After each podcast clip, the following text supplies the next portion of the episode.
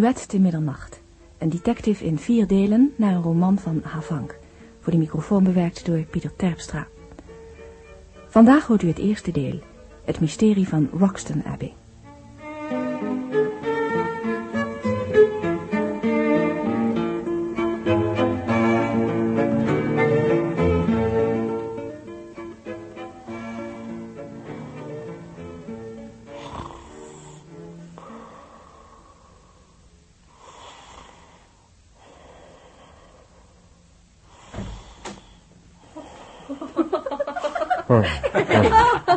Ah, schaduw. Storen we? Hoe laat is het? Tijd voor de gebruikelijke alcoholische versnapering aan de avond van een zomerse dag, schaduw. Wij dachten, onze gastheer zal wel het een en ander klaar hebben staan. Maar nee. Hebben jullie fijn gezwommen? De Middellandse Zee, de zuidkust van Frankrijk en nu het gastvrije landhuis omwaard door zoele Provençaalse winden. Doe niet zo lyrisch, Arro. Zeg gewoon dat we na die Provençaalse winden wel een glas Provençaalse wijn lusten. Ik zal ervoor gaan zorgen, Annemarie. En jij, Manon? Ik doe mee, schaduw. Ja, nog bericht van Bruno? Van mijn collega en vriend Bruno Silver is er vandaag geen nieuws. In Parijs zal het te heet zijn om brieven te schrijven. Verder ook geen post, schaduw? Verder wel post, Annemarie. Heel bijzondere zelfs. Maar ik ga eerst een paar flessen koele wijn halen. Ja, ik zorg voor de glazen. Heel bijzondere post, zegt hij. Nou, ik ben benieuwd hoor. Blijkbaar heeft die post hem zo zwaar doen nadenken dat hij in slaap is gevallen. Oh, Bruno zal vanavond nog wel eens bellen, denk ik. Hij benijdt ons natuurlijk omdat wij zo zorgeloos in een verrukkelijk klimaat leven. Zorgeloos? Wie weet wat er in die brief staat? Mijn geliefde Arro ruikt avontuur. Verveelt het je, jongen? Twee dames te moeten bezighouden terwijl onze schaduw alsmaar aan het werk is omdat hij een hekel aan water heeft. Nee, schat, nee, maar je kunt nooit weten. hè. Ah, daar is onze Charlotte met de wijn. Zeg, hoe zit dat eigenlijk, schaduw?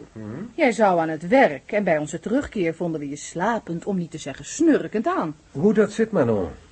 Het zit in twee enveloppen en de inhoud heeft me lang doen nadenken. Oh, zei ik het niet? Twee enveloppen?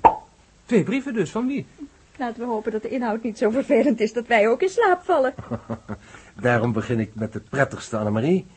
De post bracht uitnodigingen van Percy en Veronica om de kerstdagen op hun kasteel in Engeland, Roxton Abbey, door te brengen. Oh, uitnodigingen voor wie? Voor ons allemaal. De afwezige Bruno Silver inbegrepen. Mag ik jullie toedrinken? En zullen we meteen afspreken dat we de uitnodiging in principe aannemen? Santé. Ja, natuurlijk nemen we die uitnodiging aan. Het lijkt me eenvoudig fantastisch. Kerstmis, Christmas in een oud Engels kasteel. Zou het er spoken, schaduw? Ja, Manon, met volle garantie van de Rijksvereniging. Geen spook, geld terug. Oh, ik hoop dat het sneeuwt. Een echte witte Engelse kerstmis. Je treft het, Annemarie. Volgens Oldmore's Almanac zal er dit jaar tegen kerstmis veel sneeuw vallen. Zeg, jij had het over twee brieven. Ja, Arrow. Eén van Percy en één van Veronica. Een zekere zeer bekende speurder van de Sûreté Nationale zou zeggen... merkwaardig. Hoogst merkwaardig. maar begrijpelijk als je de brief eenmaal gelezen hebt. Nou, vertel nou op, schaduw. We zijn nieuwsgierig. Ik moet even jullie geheugen opfrissen, indien nodig. Oh, wij hebben net in zee gebaad. Je weet dat onze oude vrienden Percy en Veronica naar Roxton Abbey verhuisd zijn... toen een zonderlinge neef die daar als een kluizenaar woonde plotseling overleed. Ja, hij werd vermoord. Pardon, Arro. Men zei dat het zelfmoord was. Hij had een oud ruiterpistool in de verstijfde vingers van de linkerhand. Maar alles wees op een worsteling. De gordijnen waren zelfs afgerukt. Er is niks bewezen, maar die zelfmoord was zacht gezegd zeer twijfelachtig. Hoe het ook zij, de neef was dood en Percy en Veronica wonen nu in het enorme en hier en daar enigszins tochtige kasteel. Uit Percy's korte brief blijkt niettemin dat het hem uitstekend bevalt. Hij nodigt ons van harte uit. Ja, maar die, eh, die brief van Veronica? Die is somber. Somber? Mhm. Luister eens naar dit fragmentje. Ja. Eh, hier. Heel de atmosfeer van dit eeuwenoude huis, geladen als het is met de geest en de vibraties van lang vergane geslachten, geeft me een wurgende beklemming. En ik voel die niet alleen in sombere stormnachten, als de wind giert in de bomen van het park en huilt in de schoorstenen van dit zelfs op zonnige dagen soms zo spookachtige gebouw, maar ook op stille zomeravonden, zodra de duisternis aansluipt en het dode verleden van dit huis terugkeert tot een raadselachtig en kortstondig leven dat ik slechts benaderend kan beschrijven als het gefluister van ongehoorde stemmen en ongeziene schreden. En soms de echo van een lang verstorven lach en het trillen van een lang verstomd instrument. Gun schaduw, wat eng. En bovenal ben ik beducht voor de kersttijd. De kersttijd? Waarom de kersttijd? Eer ik jullie de brief laat lezen, zal ik iets vertellen over een gesprek dat ik met Veronica had toen ik haar in Londen ontmoette, drie maanden geleden. Toen hoorde ik al van haar angsten in dat grote geheimzinnige kasteel. Schaduw. Ik zal je vertellen waarom ik in dat kasteel geen ogenblik rust heb. Er is een noodlot. Een noodlot? Ze spreken van een noodlot van het huis d'Agincourt. Lang geleden, het moet in het jaar 1793 geweest zijn, is het gebeurd op een kerstbal in het kasteel. En nadien zal geen enkele d'Agincourt meer een natuurlijke dood sterven, tot het geslacht uitgestorven is. Wat gebeurde er op dat kerstbal, Veronica? Tijdens de laatste dans, bij een menuet van Boccarini, werd de jonge markiezin d'Agincourt met een dolkstoot in de borst vermoord. Door een gewezen minnares van de markies. Haar bruidsportret hangt toch boven de schoorsteenmantel van de open haard. Haar naam staat er in een klein koperen plaatje op. Lady Anne. Ze was een emigré, ontsnapt aan de revolutie. En het portret maakt een diepe indruk op je. Ja. Het is of Lady Anne me iets wil zeggen. Ik probeer het te raden, maar... Maar? Er is meer. En wie was, volgens de overlevering, die minnares? De moordenares van Lady Anne? Ze heette Noël de Noël. Ook haar portret is bewaard gebleven. Een donker, zuidelijk type. Het hangt in de muziekkamer en het stelt haar levensgroot voor bij het bespelen van het klavecimbal. Het origineel staat nog naast het schilderij. Oh, ik haat het portret. En wat is er met de moordenares gebeurd? Er zijn twee verhalen over. De markies heeft de moordenares van zijn vrouw zelf om het leven gebracht. Volgens de ene lezing, die van de familie, deed hij nog diezelfde nacht. En hij begroef haar ergens in de abbey. Maar het graf is nooit gevonden.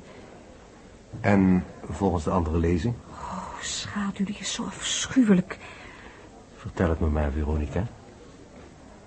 De dorpstraditie zegt dat de markies de moordenares heeft opgesloten in een geheim vertrek van de abbey. En haar daar aan haar lot heeft overgelaten. Ach, ze moet daar een langzame, gruwelijke hongerdood gestorven zijn. Ja, maar het vertrek is nooit gevonden. Toch achtervolgt het me dat dat vertrek zich nog altijd in ons huis bevindt. En er wordt in het dorp ook verteld dat de wraak van Noël de Noël zich voltrekt in ieder volgend geslacht van de Agincourts. Je gelooft het niet, schaduw. Ik zou het ook niet geloven als ik niet van uur tot uur de dreiging voelde als een bijna tastbaar iets. Percy's neef is vermoord, daar ben ik zeker van. En het dorp twijfelt er niet aan of de wraak zal ook deze generatie treffen. En deze generatie van het huis daar zijn koerschaduw, dat zijn wij. Dat is Percy. Wanneer zal het gebeuren? Opnieuw in een kerstnacht. Dit jaar. Dit jaar. Dat is het wat Veronica me drie maanden geleden vertelde. En daarom schreef ze zelf een brief naast die van Percy met de uitnodiging om met kerstmis te komen. Oh. En met kerstmis liefst bij het spelen van het menuet van Boccherini kan zich de wraak opnieuw voltrekken. Ja, wat geloof jij daarvan, schaduw? Als ik nuchter redeneer, even weinig als jij, Aro. Maar ik kan Veronica's angst niet vergeten. Ze sprak zo overtuigd dat ik op dat ogenblik zelf even de dreiging voelde. En na dat gesprek met Veronica? Wat bedoel je, Manon? Ik zou me kunnen voorstellen dat de schaduw, helper van weduwe en wezen, nieuwsgierig was geworden. En nog hier en daar zijn licht zou hebben opgestoken. Dank je, Manon. Je kent me. Tja, ik heb nadien nog een kleine nasporing gedaan. Tegen een bibliothecaris, die ik toevallig ken, zei ik dat ik belang stel in de geschiedenis van het huis d'Agincourt. Hij verwees me naar een manuscript dat de neef van Percy kort voor zijn dood aan de Bodleian-bibliotheek van Oxford in Brooklyn net afgestaan. Het was een onuitgegeven manuscript, geschreven in typisch laat 18e eeuws handschrift en in een nogal racinachtig idioom. En stonden daar belangrijke dingen in? Het geeft een uitvoerig overzicht van oorsprong en geschiedenis van het huis d'Agincourt tot aan de eigen tijd van de auteur. En die auteur is? François d'Agincourt, de echtgenoot van de vermoorde Lady Anne. En vermeldt hij de moord er ook in? Nee, tenminste niet in het eerste deel. Dat hield plotseling op. Waar, hè? Op welk punt? Het eerste deel eindigt op 20 december 1792 in het voorvaderlijk huis van François d'Agincourt. Eindigt met wat? Met wie? De onvermijdelijke botsing met die Noël de Noël? Nee, Noël de Noël wist wel beter. Zij was als de dood voor hem. Hij had haar een royaal inkomen verzekerd en bovendien een hele verdieping in de westelijke vleugel van Roxton Abbey beschikbaar gesteld. Op voorwaarden natuurlijk. Geen kunsten. Dus eindigt dat eerste deel toch bij die Noël? Nee, het eindigt op die 20 december bij het huwelijk van François d'Agincourt met Lady Anne, oftewel Anne-Marie de Passy, want dat was haar meisjesnaam. Maar dat is mijn naam ook.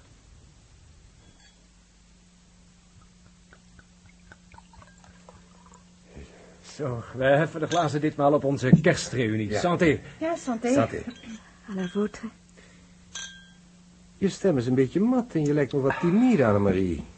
Als je vindt, om welke specifieke reden dan ook, dat die historische relatie met het huis d'Agincourt het voor jou bezwaarlijk maakt die uitnodiging van Percy en Veronica aan te nemen. Oh, nee, nee. Nee, natuurlijk niet, schaduw. Maar het is natuurlijk wel raadzaam dat je de tegenwoordige markiezin, eh, Veronica, zoals jullie haar noemen, even omtrent een en ander inlicht. Je weet dat zij en ik nog onbekenden voor elkaar zijn. Ik zal in elk geval Veronica telegraferen dat we de uitnodiging graag aannemen en dat er morgen een brief van mij volgt. En wat, wat heb je daar voor een boek, schaduw? Ja, dat heb ik net even uit de bibliotheek gehaald. Omdat het iets te maken heeft met de dingen waarover Veronica in haar brief geschreven Ja, heeft. ik vraag me eigenlijk af waarom Veronica een aparte brief geschreven heeft naast die van Percy.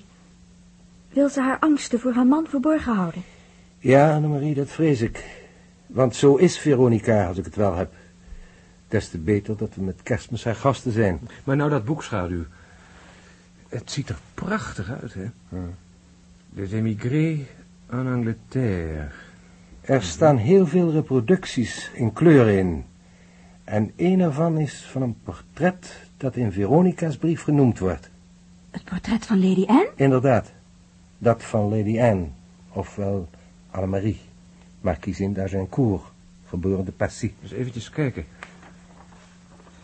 Oh, daar heb ik het al. Oh, ik kijk even mee. Mag dat, Ja, Harold? ja. Hé, maar dat is kras. Wat is kras? Die gelijkenis. Het lijkt inderdaad als twee druppels water. Oh, jullie maken me nieuwsgierig. Arro, wil je zeggen dat ze op mij lijkt? Ik zei al dat het in de familie zat. Ja, Marie, dat wilde ik zeggen. Jullie lijken sprekend op elkaar. Niet waar, Manu? Ja, als Anne-Marie dat omvangrijke hofkostuum zou dragen. Inderdaad, dan, dan zou dit een schilderij van haar kunnen zijn. Wat is er? Die ring! Inderdaad, die ring die Lady Anne op het portret draagt. Is mij ook opgevallen. Het moet dezelfde zijn die ik hier draag. Die ring wordt in het boek speciaal genoemd. Lady Anne liet François de ring na en sindsdien is hij van geslacht op geslacht overgedragen op de oudste dochter van de oudste zoon. Ik geloof dat de schrijver van het boek hier een stukje geschiedenis onthult dat jou ook nog niet bekend was, Annemarie. Dus de vermoorde Lady Anne heeft deze ring ook gedragen. Ik hoop niet dat je dat een vervelende gedachte vindt. Nee, schaduw, ik ben niet sentimenteel en ook niet bijgelovig. Eh, maar naar mijn gevoel is het net of die uitnodiging van Veronica heel dat drama van twee eeuwen geleden ineens weer actueel maakt. Wat wil je daarmee zeggen, lieveling? Alsof die tragische gebeurtenis nu plotseling iets geworden is waar je zelf direct en persoonlijk bij betrokken bent.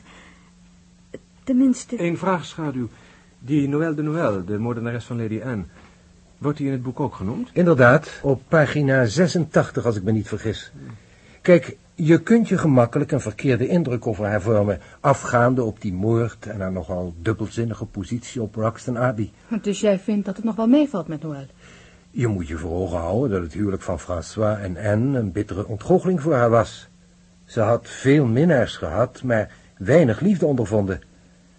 En dat verklaart wel haar haat. Ik ben in ieder geval heel nieuwsgierig naar haar portret geworden. Ja, na alles wat je gehoord hebt, zie je geloof ik met nog meer verlangen dan eerst uit naar ons kerstbezoek aan Roxton. Ja, met verlangen.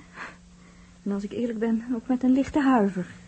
Behalve een klassieke schoonheid was Noël ook een heel begaafde vrouw. Oh, ik heb je al vaak gezegd dat je voor sommige misdadigers een zeker zwak hebt, schaduw. Maar nu blijkt zelfs voor eentje van een kleine 200 jaar geleden.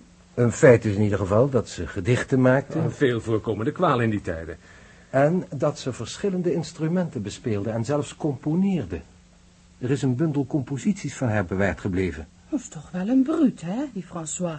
Om zo'n schoonheid en zo'n genie koelbloedig op te sluiten en een ontzettende dood te laten sterven. Ja, als hij er meteen gewurgd had, zou hij me sympathieker zijn geweest. Schaduw, je had het zo even over een manuscript... waarin de geschiedenis van het huis d'Agincourt beschreven staat. En je zei dat het eerste deel ophoudt bij het huwelijk van François en Lady Anne.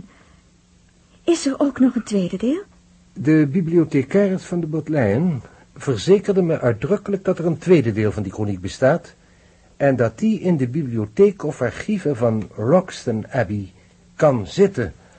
Ja, maar Percy heeft het blijkbaar niet kunnen vinden, anders had hij beide delen wel aan de botlijn afgestaan, hè? Oh, maar misschien wilde hij het liever zelf bewaren. Dat lijkt me niet voor Percy. Dan had hij het eerste deel ook wel gehouden. Als dat tweede deel niet meer in de bibliotheek is en ook niet in het archief...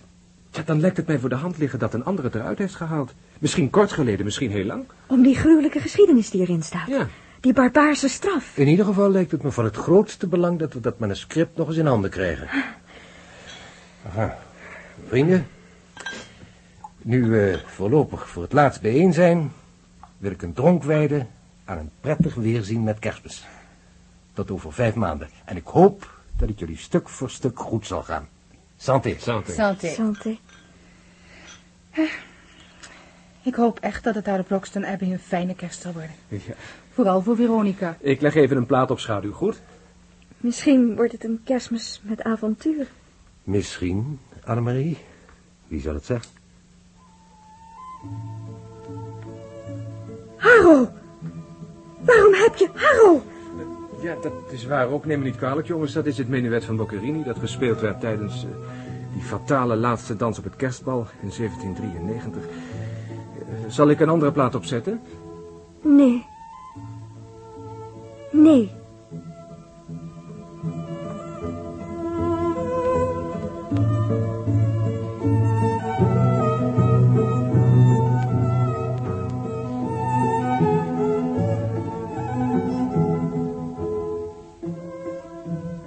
U hebt geluisterd naar het eerste deel van Menuet de Middernacht, een detective-serie naar een roman van Havank. Bewerking Pieter Terpstra. De rolverdeling was als volgt. Manon, Trudy Libozan. Schaduw, Frans Somers. Harro, Hans Karsenbarg. Annemarie, Joke Hagelen. En Veronica, Vesia Rone. Regie, Wim Paul.